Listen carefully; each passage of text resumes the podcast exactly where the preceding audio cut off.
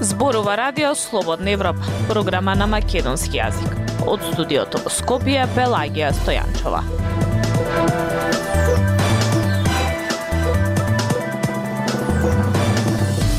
Во денешната емисија на Радио Слободна Европа објавуваме има ли листа на бугарски државјани на кои им е забранет влез во Северна Македонија. Свидетелствата повторно заглавени во тендерот. Нови санкции на Европската Унија кон Русија. Слушајте не. Независни вести и анализи за иднината на Македонија на Радио Слободна Европа и слободнаевропа.мк. Министерството за внатрешни работи не одговара конкретно дали има список на бугарски државјани на кои им е забранет влез во Северна Македонија. Вела дека се спроведувал законот за странци. Бугарскиот шеф на дипломатија тврди дека граничните власти кои не им дозволиле влез на бугарските државјани на 6 мај ги известиле дека се на црна листа. Марија Тумановска. Дали на странски државјанин ќе му биде одбиен влез во Северна Македонија, одлучува исклучиво Министерството за внатрешни работи. Америка забрана за влез може да изрече МВР, надлежен суд или други органи во рамките на надлежностите. Ова е образложението на МВР откако пред неколку дена не им беше дозволен влез во Северна Македонија на европратеникот Андреј Ковачев, председателот на фондацијата Бугарска меморија Милен Врабевски и на други тројца бугарски државјани. На конкретните прашања на Радио Слободна Европа дали има и други случаи случаи на бугарски државјани на кои не им бил дозволен влез во земјава, иако има кој бил мотивот, како и дали постои список на бугарски државјани на кои им е забранет влез во земјава, од МВР одговорија. Полициските службеници секојдневно извршуваат проверки на граничните премини на лица, односно странски државјани кои остваруваат влез во Северна Македонија, односно го испитуваат исполнувањето на условите за влез предвидени со Законот за странци. Согласно член 11 од Законот за странци се остварува и влез во Република Северна Македонија. Доколку странецот не ги исполнува условите за влез и не припаѓа на исклучоците определени со наведениот закон, му се одбива влез, одговараат од МВР. Министерот за надворешни работи на Бугарија Иван Кондов вчера изјави дека лицата на кои не им бил дозволен влез во Северна Македонија се наоѓаат на забранета листа. Во известувањата доставени до бугарските државјани од граничните власти на Северна Македонија експлицитно е наведено дека во граничниот систем на нашата соседна земја се наоѓаат на забранета листа, рече Секундов. Тој додаде дека Министерството за надворешни работи ќе испрати официјални писма до институциите во Европската Унија. Македонското Министерство за надворешни работи пак информираше дека во групата со која патувал и европратеникот Андреј Ковачев имало лица за кои во Министерството за внатрешни работи имало сознание оти представуваат ризик по јавниот мир и безбедност. Европратеникот Ковачев не е меѓу нив, но надлежните донеле таква одлука поради групата со која патувал. Еврокомесарот за проширување Оливер Врахеј, лидер лидерот на Европските народни партии Манфред Вебер се приклучија кон осудите за забраната за влез. Вархеј на Твитер ја повика владата да ја појасни ситуацијата. Меѓу другото, бугарскиот шеф на дипломатијата вчера кажа дека Скопје не преземало ни доволни мерки за спроведување на обврските од договорот за добрососедство, меѓу кои, како што е договореното извинување до бугарите репресирани од тамошниот комунистички режим или отворањето на архивите на државниот репресивен апарат од периодот пред 1991. Во меѓувреме во Скопје се одржа и работен состанок на работната група за уставните измени. Внесувањето на бугарите во преамбулата е услов за продолжување на преговорите преговорите со Унијата, но невладиниот сектор во земјата укажува на тоа дека внесувањето на бугарите нема да е единствениот услов за почеток на преговори на Северна Македонија. Тие укажуваат на можните ризици кои би произлегле откако што велат неисполнување на обврските преземени со протоколот од вториот состанок на заедничката меѓувладина комисија формирана врз основа на член 12 од договорот за пријателство, добрососедство и соработка. Радио Слободна Европа, светот на Македонија. Свидетелствата за завршена учебна година можно и годинава да не стигнат навреме во јуни. Тендерот за свидетелства засега е во жалбена процедура, а Комисијата за жалби по јавни набавки на 17 мај ќе одлучува дали ќе се повтори тендерот или пак повторно ќе се избере кој е најдобриот понудувач. Зорана Гаджовска-Спасовска. На само еден месец пред завршување на учебната година, неизвестно е кога учениците ќе ги добијат свидетелствата. Одлуката за избор на фирма што ќе ги печати треба да ја донесе комисијата за жалби по јавни набавки, затоа што тендерот што го спроведе Бирото за развој на образованието е во жалбена постапка. Се очекува седницата на комисијата да се одржи на 17 мај велат од Бирото во одговор на прашањата на Радио Слободна Европа. На огласот што го распиша Бирото за развој на образование во март се јавиле 4 фирми, а изборот паднал на фирмата Арберија Дезинг, која досега беше задолжена за печатање на светителства и на дел од учебниците, но и за организација на прослави за 20 и 21 годишнината од рамковниот договор, како и за неодамношното поставување на камен темелникот на коридорот 8. Годинава во трка за тендерот за сведителства покрај Арберија Дезинг се појавиле и печатниците Киро Дандар од Битола, Европа 92 од Кочани и Бранко Гапо од Скопје. Според податоците од Бирото за јавни набавки, во април Киро Дандар и Европа 92 се пожалеле дека се дискриминирани и дека избраната фирма Арберија дизинг не ги исполнува условите затоа што понудила материјали со лексички грешки. По овие жалби Државната комисија за јавни набавки утврдила дека при изборот на фирмата Арбирија Дезинг за најповолна понуда, Бирото за развој на образованието го прекрашил законот и ја поништи одлуката таа фирма да го добие тендерот. Бирото за развој на образование сторило повреда и на начелото на економичност, ефикасност и ефективност на користењето на јавните средства, се вели во одговорот на Комисијата за жалби.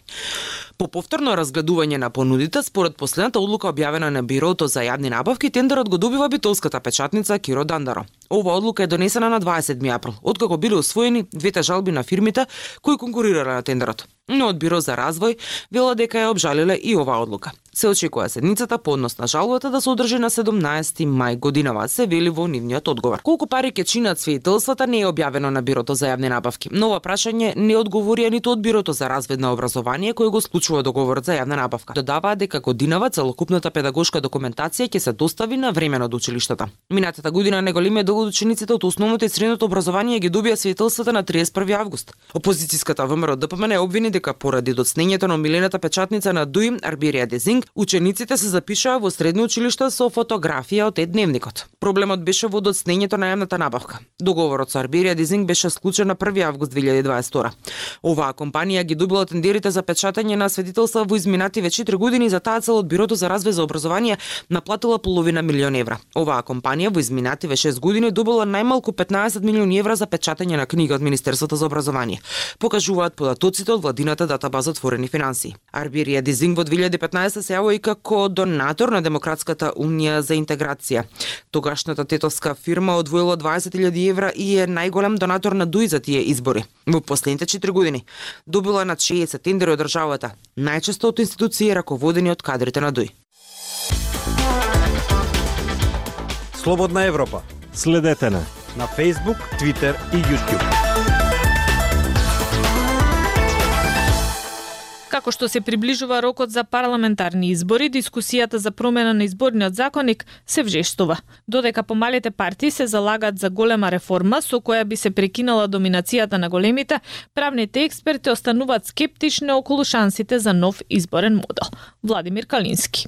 Ке биде ли променет политичкиот пейсаж со реформа на изборното законодавство или една изборна единица уште едно празно ветување?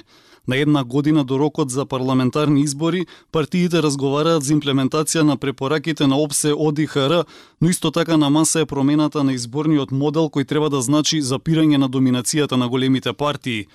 Дебатата е фокусирана на изборните единици, изборниот праг, изборната формула, избирачкиот список и бројот на пратеници, но помалите партии бараат крупна реформа со донесување на нов изборен законник што ќе значи промена на изборниот модел. Сепак правните експерти се скептични дека големите партии се подготвени да прифатат ваков чекор. Според Марко Трошановски од Институтот за демократија Социјатас Цивилис, фокусот ќе биде на решенијата во однос на препораките на ОПСЕ ОДИХР. Тој додава дека во услови на ниска политичка култура, нестабилни влади и чести предвремени избори, нов модел кој ќе донесе поголема раслоеност во парламентот дополнително ќе резултира со понестабилна политичка клима. Препораките на ОПСЕ секако се важни, требаше уште предход, во предходниот циклус да бидат целосно усвоени, но не се. Тука акцентот треба да се стави исто така на што поголема овозможувачка законска рамка за граѓански независни иницијативи кои што би можеле да се понудат себе си на на, предход, на предстојните избори, додека изборниот модел а, мислам дека според нашето последно истражување е најпропорционалниот што го имаме што може да го имаме, односно Македонија има еден од најпропорционалните изборни модели во Европа. Вели Трошановски. Демократскиот сојуз, Дом, ЛДП се меѓу помалите парламентарни партии кои се залагаат за една изборна единица наместо сегашниот модел со шест изборни единици со пропорционален систем. Од друга страна, главните забелешки на ОПСЕ од ИХР се да запре доминацијата на големите партии во медиумскиот простор, но и буџетскиот колач. Во однос на промената на изборниот модел, коалицијскиот партнер на СДСМ во владата, ДУИ, на 8 мај соопшти дека прифаќаат една изборна единица со 5% прак и со отворени листи, што за малите партии е неприфатливо. Пратеникот на Демократската унија за интеграција Арбе Радеми рече дека прагот од 5% го предлагаат за да се обезбеди политичка стабилност во државата. Моника Зекова од ЛДП одговори дека овој предлог е погубен за малите партии.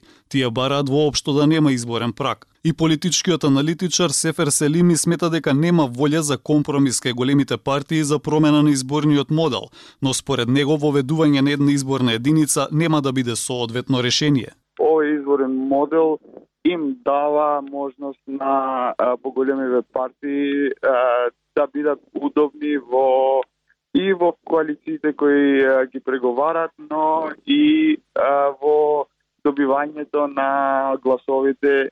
Вели Селими. Актуелности свет на Радио Слободна Европа главна вест од последниот 11 пакет санкции на Европската унија кон Русија е дека Брисел предлага казнени мерки за трети земји кои намерно ги заобиколуваат санкциите на унијата. Се предлагаат мерки против кинески компании и против Russia Today Balkan. Европската комисија минатиот викенд им го испрати на земјите членки на Европската унија последниот предлог за санкции против Русија. Се предпоставува дека мерките ќе бидат усвоени во втората половина на мај, што е многу брзо според стандардите на Европската унија. Има две причини за тоа. Прво затоа што Европската комисија од крајот на април веќе ги информираше амбасадорите на ЕУ за содржината на пакетот. Друга причина зошто овие санкции може релативно лесно да бидат одобрени во наредните недели е тоа што тие се слаби. На многу начини тие ги следат истите модели како и последните пет пакети казнени мерки против Русија договорени од Брисел од минатото лето. Тие во голема мера ги пополнуваат само празнините и нема значително да и наштетат на руската економија. Инаку, главна вест од овој пакет е дека Брисел предлага казнени мерки за трети земји кои намерно ги заобиколуваат санкциите на Европската унија. Со други зборови, ова е обид на ЕУ да започне со така наречените секундарни санкции кои сад веќе подолго време ги применуваат на глобално ниво. Но прашање е колку силно и брзо ќе се спроведе оваа потенцијална нова мерка. Може би нетешкиот аспект ќе биде санкционирањето на 8 кинески воени компании за кои Европскиот блок верува дека и помагаат на војната рафинерија на Кремљ. Иако овие компании не се баш големи, сепак може би е премногу за некои членки НЕУ да прифатат казнени мерки, бидејќи се уште не сакаат да ја антагонизираат Кина.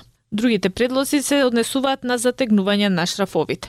Забраната за извоз од Европската унија во Русија веќе опфаќа илјадници артикли. Сега ќе бидат додадени повеќе, особено кога станува збор за спречување на Москва да произведува микрочипови со забрана за извоз на различни европски полупроводници, производство и тестирање опрема за електронски интегрирани кола, хемиско оружје, оптички компоненти, навигацијски инструменти и метали што се користат во поморската војна. Секоја продажба на правата на интелектуална собственост ќе биде забранет, иеко повеќето такви трансфери се веќе стопирани. На руската државна телевизија Russia Today Balkan ќе биде суспендирана лиценцата за емитување во Европската унија по низата други канали што ја доживеа истата судбина. Камионите регистрирани во Русија кои превезуваат стока по патиштата во Европската унија ќе имаат забрана за транспорт, а истото важи за увоз на челични производи од трети земји доколку содржат компоненти од Русија. Тоа не е беззначено, но тешко дека ќе принуди Русија да се врати на преговарачката маса. Ја слушавте емисијата на Радио Слободна Европа, програма на македонски јазик. Од студиото во Скопје со вас беа Пелагија Стојанчова и Дијан Балаловски. До слушање.